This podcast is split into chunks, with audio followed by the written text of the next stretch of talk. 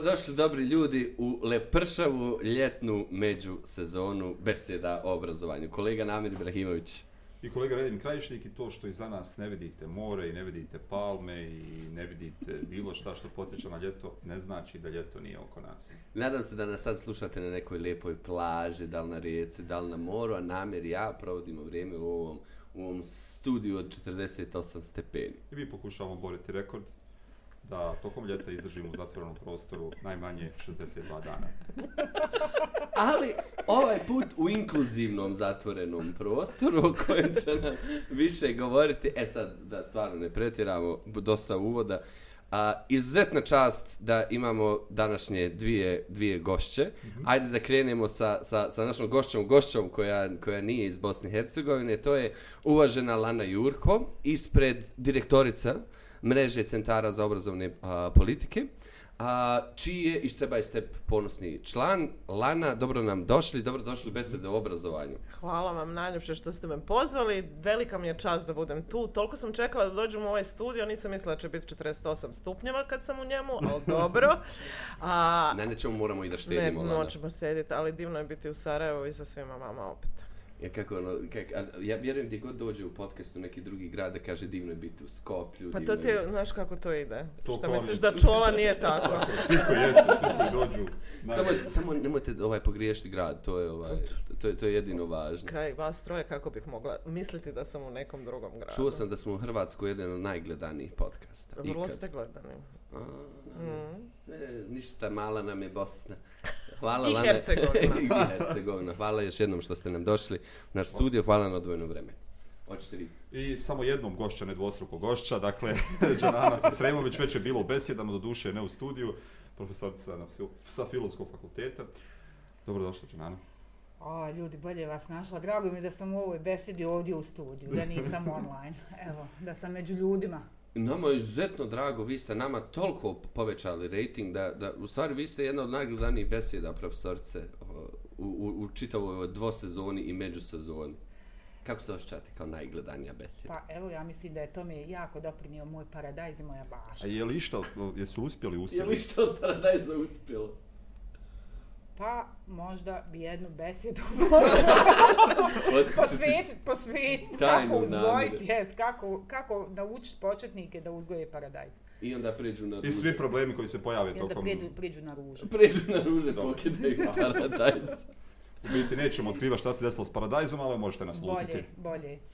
Ozbiljan povod danas daleko od smijeha. Daleko, ali daleko baš od, od smijeha. Dakle, danas povod naših skupljanja je razgovor oko globalnog izvještaja o praćenju obrazovanja a, za 2021. godinu, a s posebnim naglas, naglaskom na središnju i istočnu Europu, Kavkaz i središnju Aziju. Dakle, inkluzija u obrazovanju sa podnaslovom Svi znači svi. Ali evo čisto radi, radi gledatelja da objasnimo o čemu je riječ. Dakle, riječ je o izvještaju koji je analizirao 30 obrazovnih sistema u središnjoj istočnoj Europi, Kavkazu i središnjoj Aziji, a pripremili su ga UNESCO Global Education Monitoring Report, Europska agencija za posebne potrebe i uključivo obrazovanje, te mreža centara za obrazovne politike. A, izvještaj se temelji na dubinskoj analizi obrazovnih politika i praksi u domenu inkluzije. Zemlje regije napravili su u posljednjih 20 godina veliki pomak, to uključuje Bosnu i Hercegovinu, nadam se, u uključivom ovom obrazovanju. Sviđa mi se ovo uključivo. To je hrvatska riječ? Da, to je krenulo sad uključivost. Mi kad smo prevodili, baš je to isto zanimljivo, um, kad smo prevodili, prevodili smo i na bosanski, i na srpski, i na hrvatski, i na crnogorski i svako ima drugačiji prijevod. A naš lektor u Hrvatskoj je inzistirao da bude uključivost, a ne inkluzija. I ima negdje smisla. Mislim da je možda inkluzija već malo nama, kad čuju ljudi inkluzija nekako razmišljaju vrlo usko. Možda će nam pomoći ta uključivost da malo šire razmišljamo. Kako mi prevodimo namre? Inkluzija. Inkluziju, inkluzija. Ali ovdje kaže da prilaz na inkluziju nije ni izbliza završen, te su različite oblici segregacije diskriminacije i dalje prisutni. Prvo pitanje. Zašto ovoliko region bruji u ovom izvještaju? Pa ovako je, mislim, UNESCO globalni izvještaj izlazi svake godine i radi se na, na cijelom svijetu. Ove godine su oni izabrali baš na našu regiju, tu našu regiju. Ona je regija mreže centara za obrazovne politike, to vam je od Estonije na sjeveru do Mongolije na istoku, Turske na jugu i Slovenije na zapadu. A, pokrivamo svih tih 31 zemlju, evo jednu nismo uspjeli pokriti, to je Turkmenistan.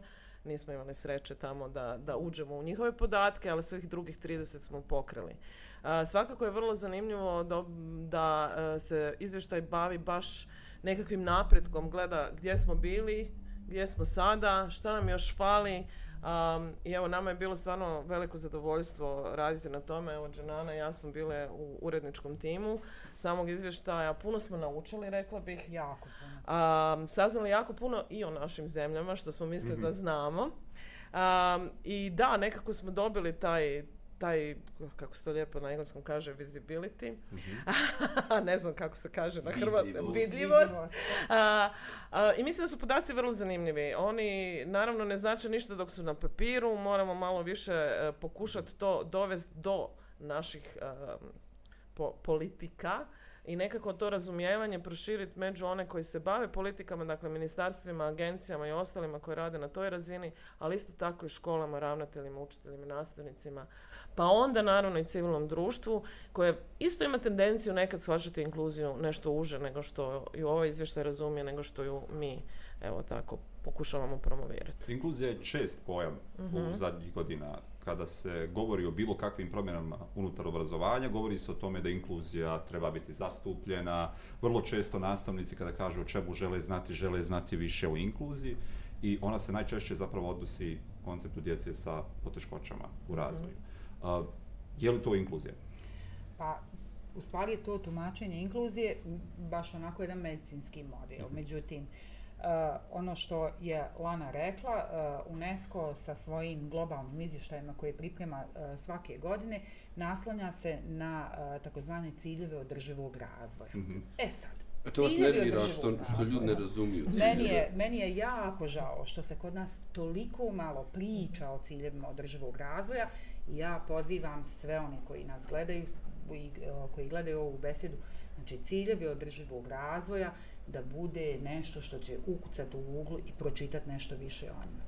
Ciljevi održivog razvoja doneseni su na globalnom nivou, ratificirali su i naravno i Bosna i Hercegovina ih je ratifi- ratificirala i to su u biti uh, uh, ciljevi koje smo mi postavili sebi u smi 17 ciljeva koje je ovaj svijet postavio sebi kako bi nam svima bilo bolje. U tih 17 ciljeva četvrti je, se odnosi na edukaciju, odnosno odnos- odnosi na obrazovanje. I kaže da obrazovanje, mo, znači puno je tu nekih podciljeva, ali ono generalna poruka je da obrazovanje mora biti dostupno, jer i obrazovanje jeste ljudsko pravo, obrazovanje mora biti dostupno i mora biti dostupno svima. Svi ostali ciljevi, u najmanje 4-5 ciljeva, kao što je recimo reduciranje siromaštva, povećanje, e, odnosno poboljšanje standarda života i tako dalje, se naslanjaju na obrazovanje. Dakle, obrazovanje je highlight ciljeva održivog razvoja. U tom smislu, što Namir kaže, inkluzija podrazumijeva davanje prilike i otvaranje prostora za obrazovanje svih grupa i svih ljudi koji mogu ostvariti svoje potencijale u okviru ne samo formalnog, nego i svih drugih načina obrazovanja u zavisnosti od toga šta ko želi. Jer mi treba da znamo jednu stvar. Uh, u, uh, u, na, na nekom globalnom nivou jako je puno grupa koje uh, nemaju pristup obrazovanju ili se ne mogu zadržati dovoljno dugo u obrazovanju, ne zbog svojih karakteristika, znači ne zbog nekih svojih sposobnosti ili ne, nečega što je njima inherentno, nego u stvari zbog nekih vanjskih faktora.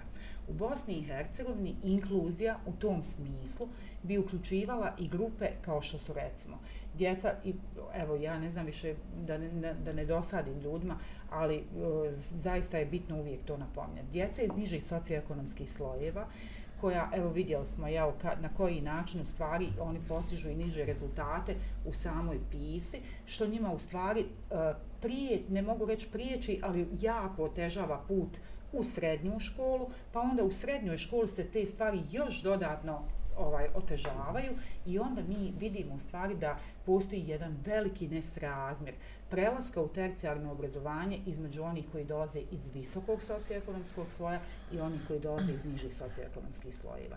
Dakle, inkluzija podrazumijeva davanje šanse, davanje prilike, prostora svima da se obrazuju, da grade svoje vještine, da budu uključeni u ovo društvo i da budu oni koji nose ekonomiju.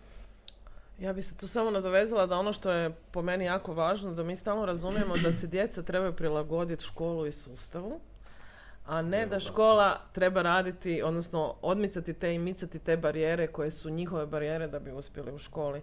I to je neki stalni nekakav nesrazmjer između onoga što bi mi trebali raditi i što radimo.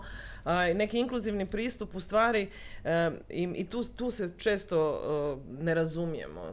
Znači, ljudi su toliko navikli na jednakost da misle da znači jednakost svi dobiju isto. Da, da. Ali to je često, redalo smo imali tu priču i u Mostaru smo govorili o tome da zapravo sistem obrazovanja koji je postojao ranije je upravo nosio kao vrijednost jednakost. Dakle, da su djeca imala pristup ono obrazovanju na svim nivoima.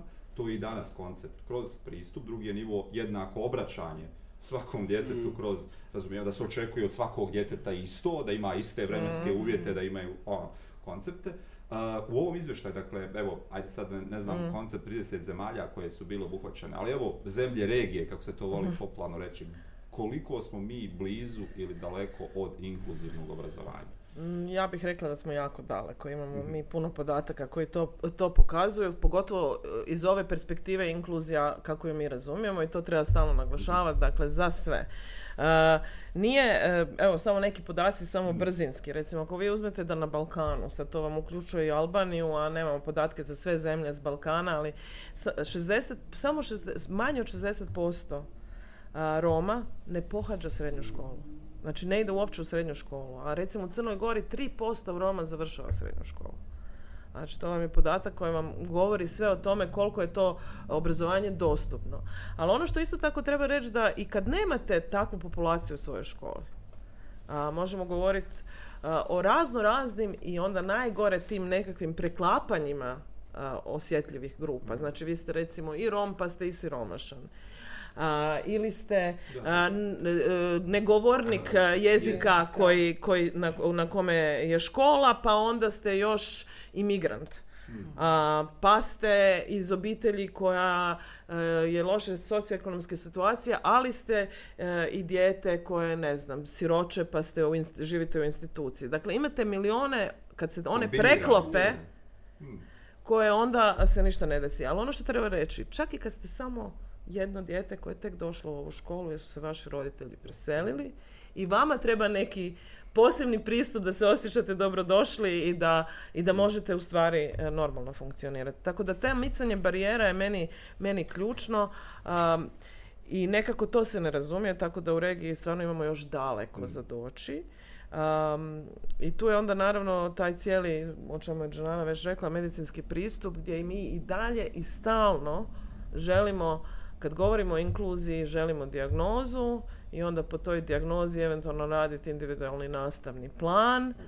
Pa je onda pitanje kako radimo taj individualni nastavni plan, da li ga radimo u suradnji sa djetetom, s roditeljem, s nastavnikom, s pedagogom. Je li to participativno ili neko rekao evo to ovako ide, pa ćemo tako. To ako radimo, pitanje kako ga izvodimo. A onda naravno... tako. Ovdje stoji podatak isto da, su, da je veliki broj specijalnih škola i dalje otvoren. Da, I to je, da to je baš onako karakteristično. Evo, ja zaista pozivam sve koji su zainteresirani da pročitaju ovaj izvještaj. Ostavit ćemo ga i u linku unutar ovog videa, tako da mogu paralelno pratiti. mm Mene i dalje ovo posebno interesuje, svi znači svi, to mm veliki akcenat je na, na, na, svi znači svi. Jel to znači da u jednom trenutku naš koncept razumijevanja inkluzije nije podrazumijevao sve nego neke tipične, atipične grupe?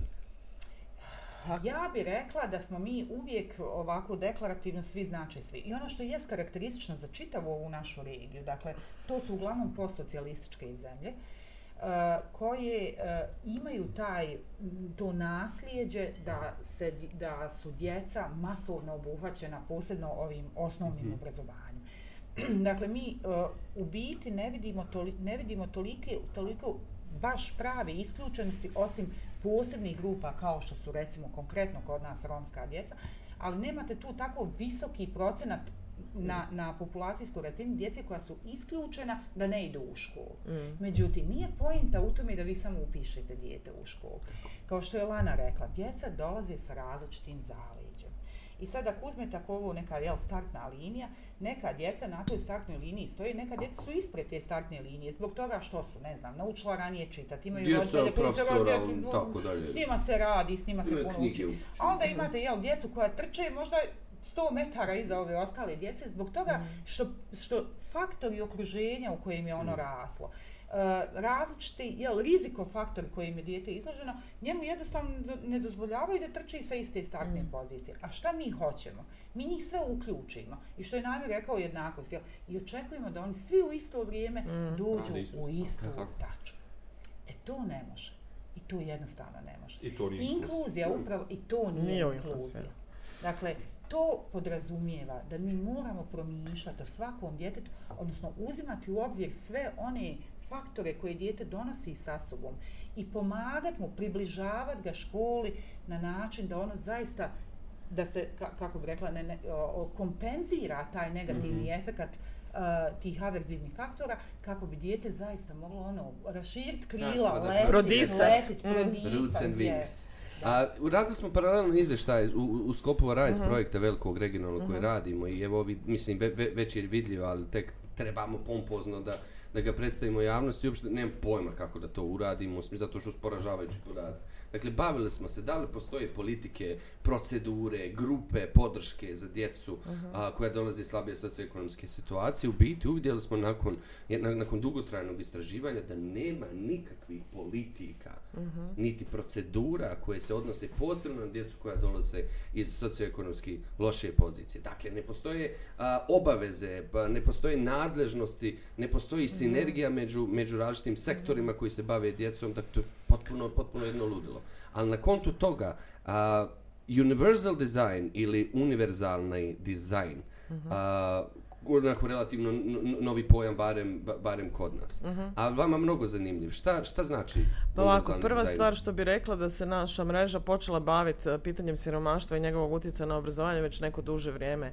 I možda bih rekla da smo promijenili fokus onoga um, šta je sa etničkim skupinama, šta je sa uh, djecom koja govore različite jezike i tako dalje i nekako shvatili da je to siromaštvo u stvari apsolutno najveći problem. I da djeca koja dolaze iz siromaštva, sustav ih ne podržava da bi oni uspjeli prekinuti taj krug začarani u stvari siromaštva. A, I ono što se dešava u našem sustavu je da u biti vi imate tri, četiri ministarstva koje se time bave. Pa imate socijalni rad, pa zdravlje, pa ministarstvo obrazovanja. Nisu uvezani, mi ne znamo kako jedni druge a, a, podržavaju ili ne i u pandemiji se to onda razotkrilo. Dakle, to je bilo tako i prije pandemije. A, da djeca koja su bila iz, iz siromašnih obitelji u stvari nisu sudjelovala u punom smislu u obrazovanju, ali eto bili su u razredu, vidjeli smo ih, pa kao tu su i to Ako je taj, da, i to je sad taj prvi, prvi korak uključivosti je nekakav pristup obrazovanju, ali to je ono uh, nulta točka. nulta točka.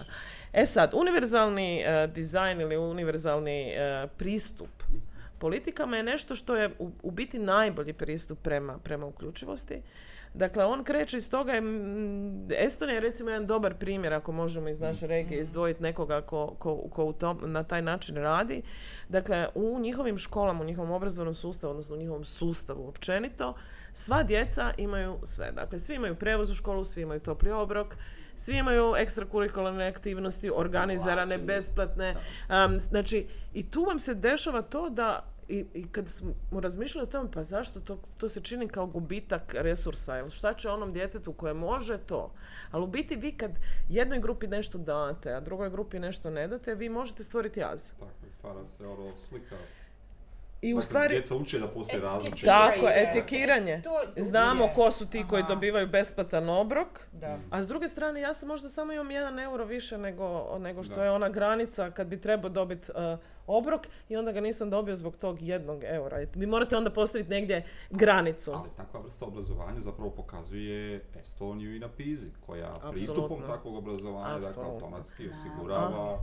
Sve je to dovelo njih do toga da imaju Da. jel, rezultate koji. I sad možemo mi naravno o Estoniji pričati neke druge stvari u smislu toga da su vrlo neoliberalan sustav, da su jako individualistički, imaju taj pristup. Ali opet s druge strane vidimo da ove politike imaju definitivno smisla. Što se tiče ško- na školskoj razini šta bi bile univerzalne politike, dakle ako imaš sustav koji to sve osigurava, onda imaš samo u, u situacijama učenja podršku za djecu koju to treba gdje se onda baziraš na taj uh, pomoć u učenju, koji može, naravno, jedna od glavnih stvari je da mi umrežimo djecu, da jedna drugoj nauče ponačati, pomagati. Time ih učimo i solidarnosti, empatiji. Jačamo i jedne i druge. I nije svako dijete koje je loše u matematici, loše u nečem drugom. To je recimo, ja bih rekla, jeste jedan problem a, naših sustava, da jako cijenimo uspješnost akademsku, Tako. I to su ta djeca koja su kao dobra djeca, uspješna djeca, a ima djeca koja su uspješna u sto drugih stvari, koje su kreativne, koji su dobri prijatelji. To u Nije školama to ne cijenimo. uspjeh, Da. Lana, ne, ne Da. prepoznaje se. E, Ono što je zapravo suštinski znamo da naravno da škola ne može sama i da obrazovni sistem ne može sam, evo, ono, Lana je govorila o tome, ono, koncept. Međutim, e, koliko škola može, imajući u obzir ovak, ovakve obrazovne sisteme koji postoje ono, ovdje u regiji i kako bismo popravili da škole mogu više. Evo da ne kažemo da mogu sve, ali da zaista mogu više učiniti na, na principu inkluzivnosti.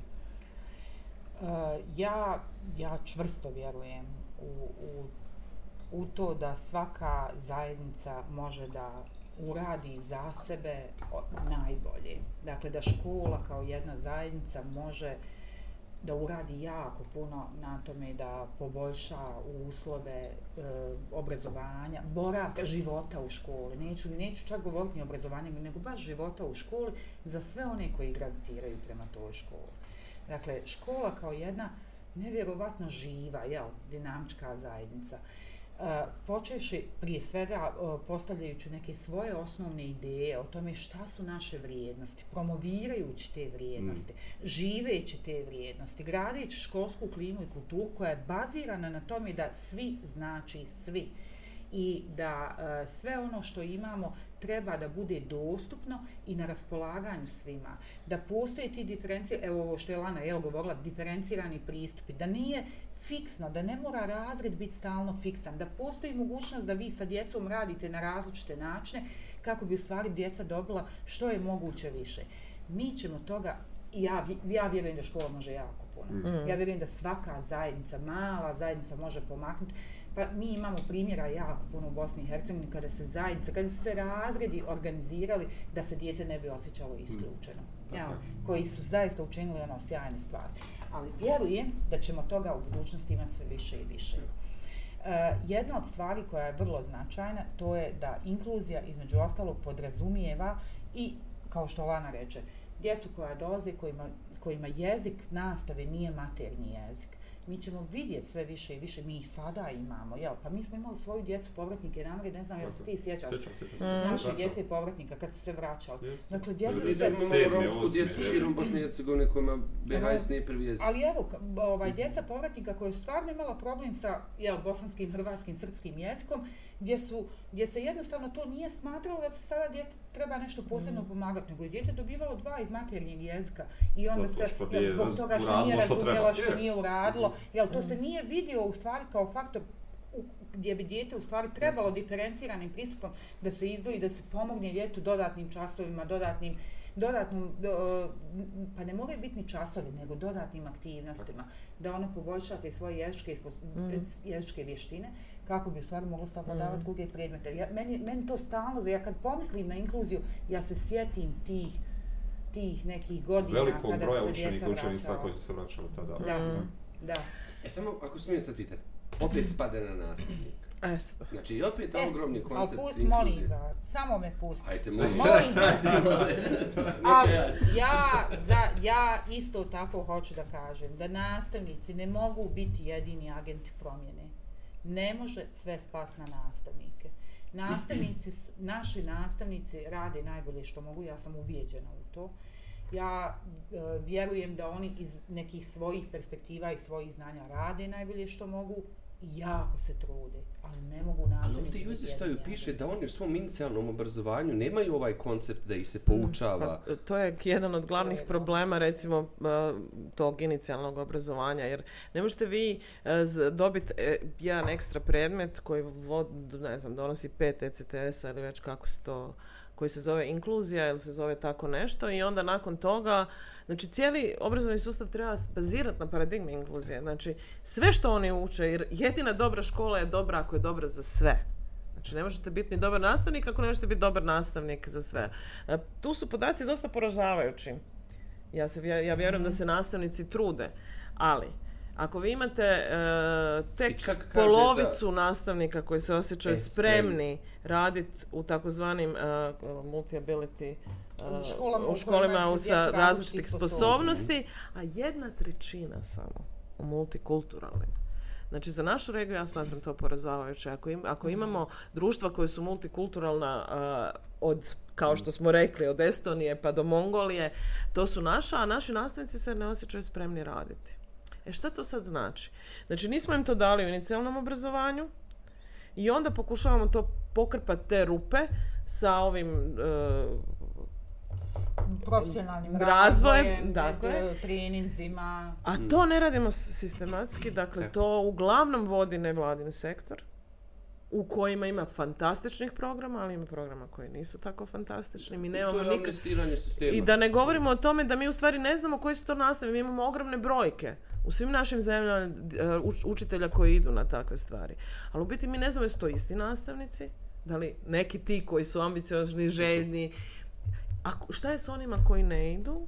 I šta to u stvari onda znači za djecu? Tako da a, u, u, u, u, profesion, u, prof- u nastavničkoj profesiji treba stvarno puno raditi. Samo da se nadovežem na, na ovo što je Lana rekla.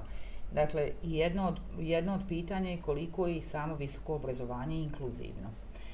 Dakle, ako pogledamo ko su to tipični studenti na našim univerzitetima, to su ipak djeca koja mogu, stu, uglavnom, jel, u prosjeku djeca koja mogu studirati, djeca koja su 18, 19, 20 godina kada ulaze u visoko obrazovanje.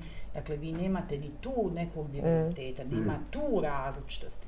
Jedna od ključnih stvari je u stvari povećati različitost, odnosno pristup visokom obrazovanju svim grupama. Dakle, od mlađih do starijih, od, uh, od uh, ljudi koji imaju uh, dolaze iz nižih socioekonomskih slojeva, viših, majke stroje djece, sam, samohrani, znači svako ko ima potrebu da se dalje gradi, jer pazite, mi u Bosni i Hercegovini imamo jako nizak procenat visoko obrazovanih ljudi. Dakle, mi prvo moramo povećati taj procenat. Možemo ga povećati samo tako što povećavamo različitost. A onda, oni koji dolaze na fakultet moraju živjeti tu različitost, vidjeti nju kao bogatstvo, da biste vi to usvojili, internalizirali kao model i prenijeli u svoje učionice. Dakle, nije samo inicijalno obrazovanje, kad govorimo o tom inicijalnom obrazovanju, meni nije tu ključno ono, je li kurikulum dobar, kako se njima predaje. Poenta je i to, te klime, kulture, vrijednosti, inkluzije i u visokom obrazovanju, koja se onda Što nosi. se onda naravno nadovezuje na to i na jednu preporuku iz ovog izvještaja gdje naravno s jedne strane očekujemo, odnosno želimo preporuka je da bi svi nastavnici, odnosno svi koji rade u školi trebali biti spremni podučavati i podržavati svu djecu. A, ali jedna od preporuka je tako da treba biti e, tog diversity, odnosno raznolikosti među nastavnicima. Da. Znači, ako mi imamo sve nastavnike koji su, ne znam, 80% žene, pa su 80% žene tog i tog tipa, da kažem, da ne idemo dalje, e, vi nemate ni tu različitost među djeca nemaju svoje rol modele, je, tako je. i različiti pristupi i, i, i, i tako to. Ali ima, ima politika koja recimo u nekim zemljama, recimo u, Kazahstanu, oni imaju za prijem na, na učiteljske fakultete, jedan od kriterija a, je različitost. Tako da može se svašta. Možeš se svašta... Da, imate kvote, Kvote, za upis. tako je, za upis. Tako je. Da, ali je, Već A, vidim ove ja imam- u Bosni, ovaj, toliko ti, tako... mislim ima tu toliko puno... se do- do- ono, minimum studenta upiše vjerovatno na nastavnički. Ali evo ja imam jedan primjer divne škole, jedne u kojoj a, romski asistenti a, ne rade samo s Romima, Mhm. nego romski asistent radi s djetetom sa posebnim To to. potrebama. To je to. To je sve. To je, to je što pokušavamo. Mo- mogu li ja malo o tome sadržaju u tom našim... Može, ali samo mi isto interesuje koncept prikupljanja podataka. Dakle, Aha. ja, ja, ja sam bio jako tužan sad kad smo radili o, pri, pri, pri istraživanje. To je da niko ne prikuplja podatke. Svi prikupljaju nešto partikularno malo. Ili ni to što treba da prikupljaju. To smo vidjeli sad u pandemiji kad škole uopšte nisu imali podataka o djeci. One kojima je potrebna pomoć, aparat, uređaj i tako dalje. Ne sve. Jedan dio škola je to imao. Ali, apsu- dakle, ne, ne znam kako se odluke donose ako nemamo takvih podataka.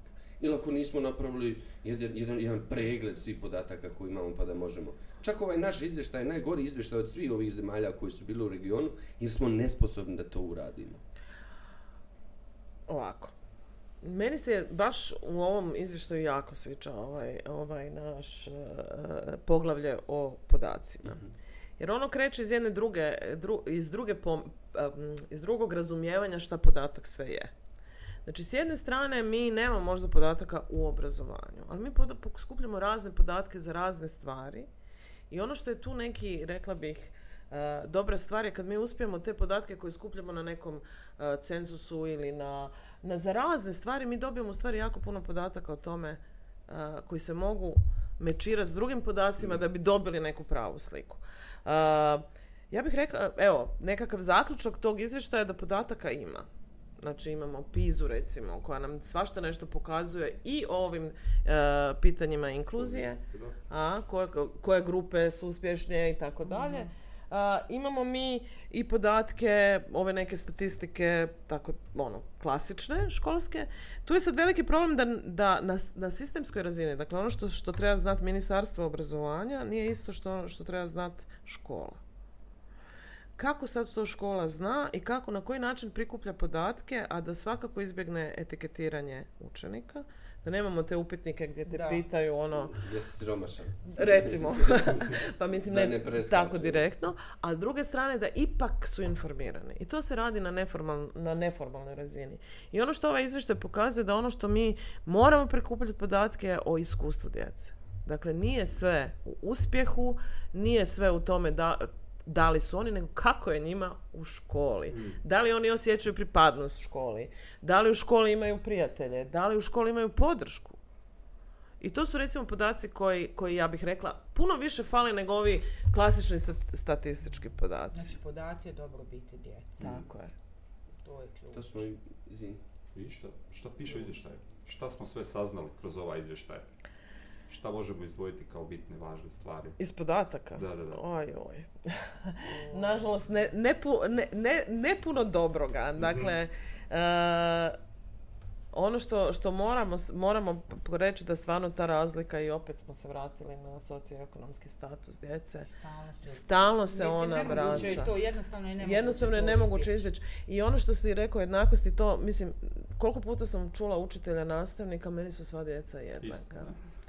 Pa evo ja uvijek svoje roditeljsko iskustvo tu malo uključim. Imam dvoje djece koje su potpuno različiti ja- i oni meni, ja ih jednako volim, a- ali e, nemam jednak pristup prema njima, pa tako i svaki učitelj ima razred od 20, 30, u stvari vi ne možete imati jednak pristup prema svakome da bi im pružili e, to što treba. Tako da podaci ne pokazuju dobre stvari. Ono što pokazuju da u našoj regiji pala broj specijalnih škola, pao je broj djece koje su išle u specijalne škole, puno više djece ide u, u ovaj, em, javne Mainstream, škole, mainstream mainstream škole i pao je broj institucionalizirane djece, što je recimo jako važno i veliki podatak. Mi ne znamo šta da radimo sa specijalnim školama, to je sad taj drugi problem i tu dolazi do nekog otpora, a, jer nekako ne, to ne znači da nema potrebe za specijalnim školama, odnosno da nema potrebe za ekspertizom koja dolazi iz specijalne škole. I kako to osmisliti da to funkcionira na pravi način. To cijelog sistema. Tako je. Da. To je nešto što, na čemu moramo ozbiljno raditi dalje. Da, i jako mi je važno da ljudi to ne predstavljaju crno-bijelo. Tako, ništa nije Jer crno kao a priori odbacuju specijalne škole, ali nije poenta u tome, Ne, poenta u ekspertizi koja je djeci i dalje potrebna, Apsolutno. samo ne u takvim okruženjima ni kod odrasli. Ali ja, ja ću samo još dodati nešto vezano za ove podatke. I meni je to zaista jedna sjajna rečenica koja kaže da bez podataka mi smo samo ljudi sa mišljenjem. Hmm. Dakle, ako nemate podatke, onda sve to što govorite je u stvari samo ne, neko mišljenje, a mišljenje svako ima. E, podaci, i to između ostalog izvještaj kaže, dakle, podataka ima na sve strane, pojenta je u tome da se podaci moraju agregirati i koristiti za donošenje politika. Mi recimo svake godine prikupljamo podatke od djece o različitim stvarima unutar obrazovnog sistema. Onda imate podatke koji, do- koji su ovaj, vezani za recimo Ministarstvo za rad i socijalnu politiku. Pa imate podatke koje prikuplja Ministarstvo zdravstva i to sve stoji tako rasparčano gdje vi nemate jednu pravu sliku, ptičju perspektivu o jednoj socioekonomskoj zdravstvenoj karti ko dje, ne samo djece, jel, nego kompletnog stanovništva da bi se donosile dobre politike, posebno inkluzivne politike. Dakle, tu je poenta. Svaka politika, svaka politika danas mora biti inkluzivna politika. Vi morate znati sa čim raspolažete, odnosno šta su to neke potrebe stanovništva u, u zemlji. I to se može samo tako agregiranjem podataka, s pravljenjem jedne jasne karte, jasne mape šta se u stvari dešava i onda donošenje, uh, donošenje različitih politika. I, mislim, u, u suštini nam bilo puno lakše. Recimo, ja sam koristila podatke UNESCO koje oni imaju vezano za obrazovanje u nekoliko navrata i recimo konkretno podatke koji su vezani za tercijarno obrazovanje. Zadnje što su oni uspjeli recimo agregirati vezano za tu diskrepanciju između uh, pristupa i završetka tercijarnog obrazovanja na području Bosne i Hercegovine dolazi iz 2010. godine. Pa majka mu stara, zar, zar 10 stvarno mi nismo u stanju da, da imamo podatke koji nama sad u ovom vremenu, u nekom realnom vremenu govori o tome, jer su se sigurno brojke promijenile. U ovom realnom vremenu, ko, ko, ko su ti studenti koji ulaze, ko su ti studenti koji, izl, koji u biti ono, drop out, jel, izlaze iz, prerano iz tercijarnog obrazovanja i ko na kraju to završava. Ali bih ja isto rekla da podataka ima na toj globalnoj razini koje mi ne čitamo. Dakle, kad mi pošaljemo ovakav izvještaj u naše ministarstvo u regiji, ja stvarno imam jako veliku sumnju da se to čita, da se to razumije do kraja, da se tu malo udubimo u podatke. napadnu što smo im poslali. Pa dobro, sad ne znam da nas nap... Um, rekla bih da je tu problem toga, a ima puno podataka i puno re- resursa na globalnoj razini Da. Koji vam Da. pokazuju, dakle ne govorim sad samo o PIZ, jer PISA je samo Tako je. jedan od Segment. segment toga, ali UNESCO i velike e, ove organizacije poput OECD-a, poput Svjetske banke, poput e, U- UN-a, pa raznih e, grupacija u UN-u, a, stvarno imaju jako puno podataka koji nama mogu biti korisni i koje ne koristimo. I možda ako, čak i ako nisu spomenuli nas kao zemlju, to uopće nije poenta. Možete vidjeti trendovi, stvari na koji nam vidite trendove, vidite šta će se desiti ako je ovo, onda ovo. Dakle, pratite i onda ono, uspoređujete to sa svojom situacijom i donosite odluke koje će omogućiti neki razvoj, jel, da idemo gore, da ne, ne idemo dole. I da taj razvoj prati. Da. Da, da, da. Ljudi, pred kraj smo. Mogu li samo dvije Samo- rečenice o sadržaju, jer stvarno ne mogu propustiti priliku da nešto kažemo koliko je to važno kad smo sad već ušli u školu i sad kad već imamo tu školu koja nam želi da budemo dobro i nekakva inkluzivna klima i kultura, šta se dešava onda kad, kad dobijemo sadržaje koji su puni stereotipa? A, I šta se dešava kad mi u tom kurikulumu ili u, toj, u tom udžbeniku sebe uopće ne vidimo?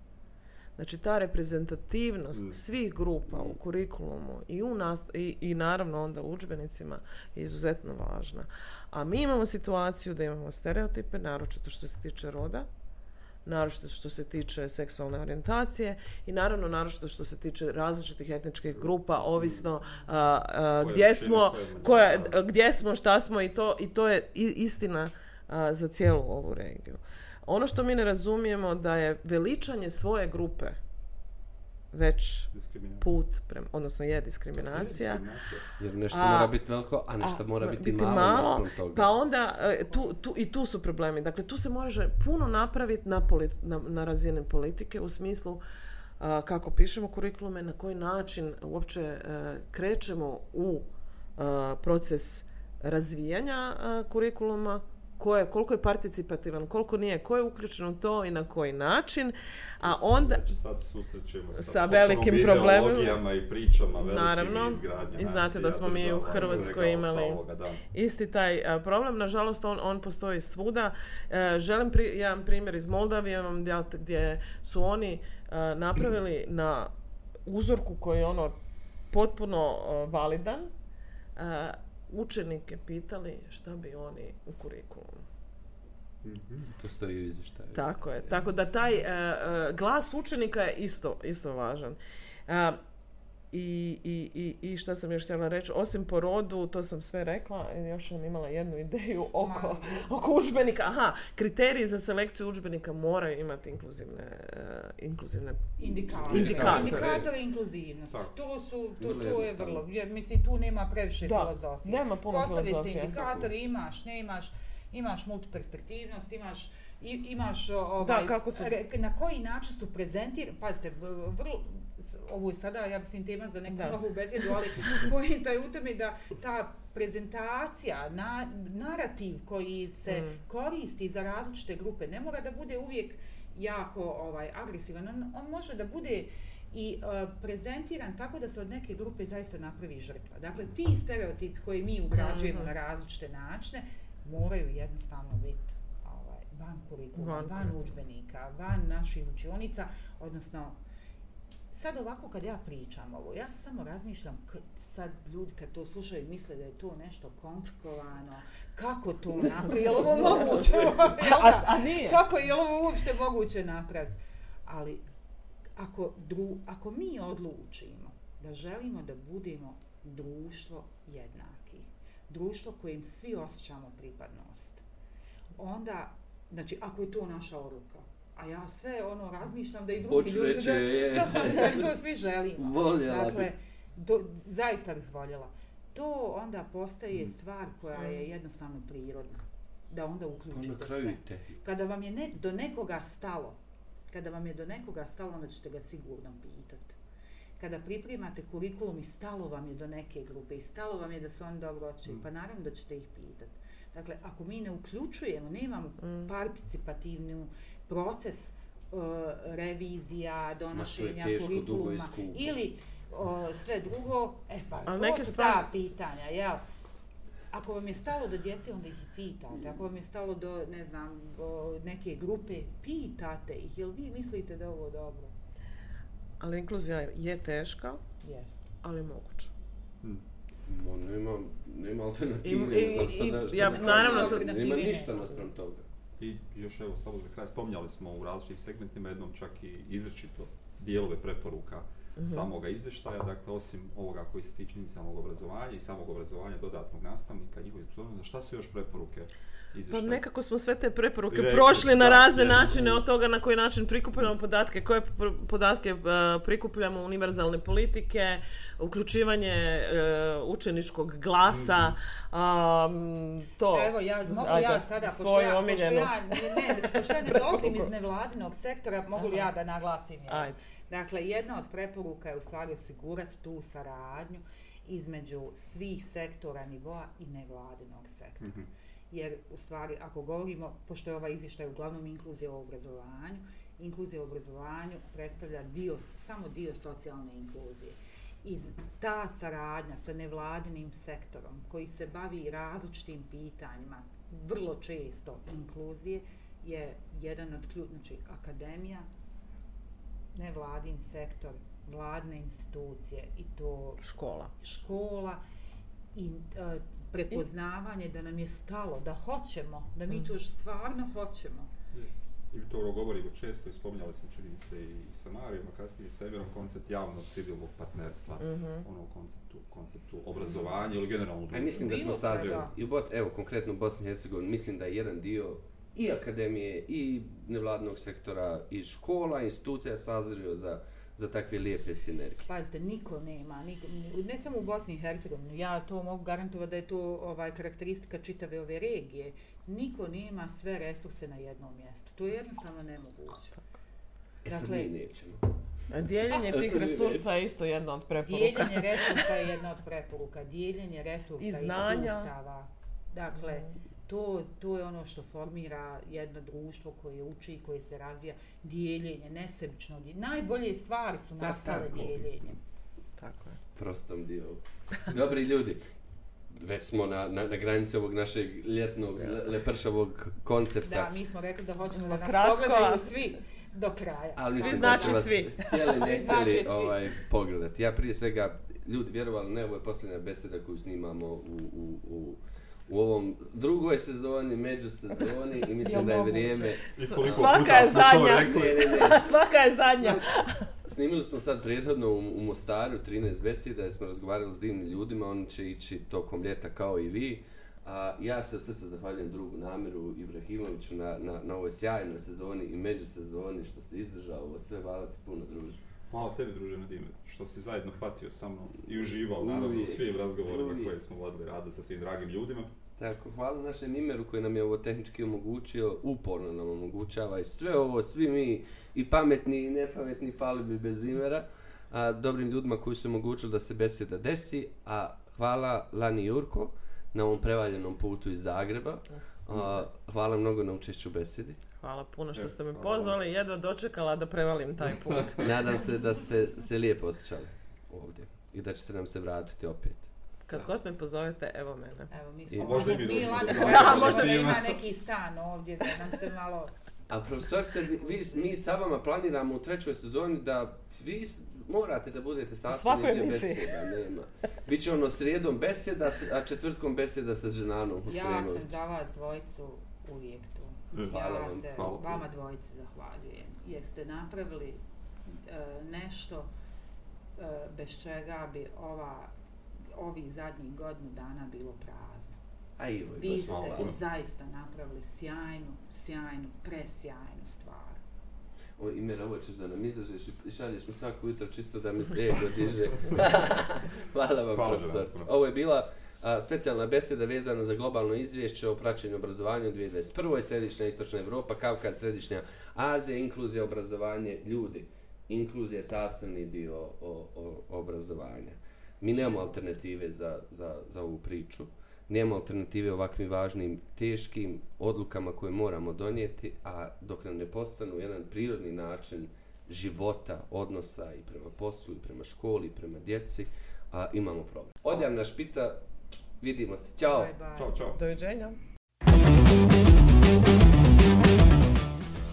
Večera ste nas gledali, možda drugi put nećete. Ono što je preduvjet da biste nas pogledali, da biste nas vidjeli, Nedime je. Subscribe, odnosno preplatite se na naš kanal na YouTube. Zove se Coji Step by Step i treba da kliknete dole, u crvenom piše subscribe, subscribe, molim vas. Ukoliko do naredne emisije 50 vas ne klikne subscribe, vjerovatno nas više nikada nećete gledati. To je to, Fajrant.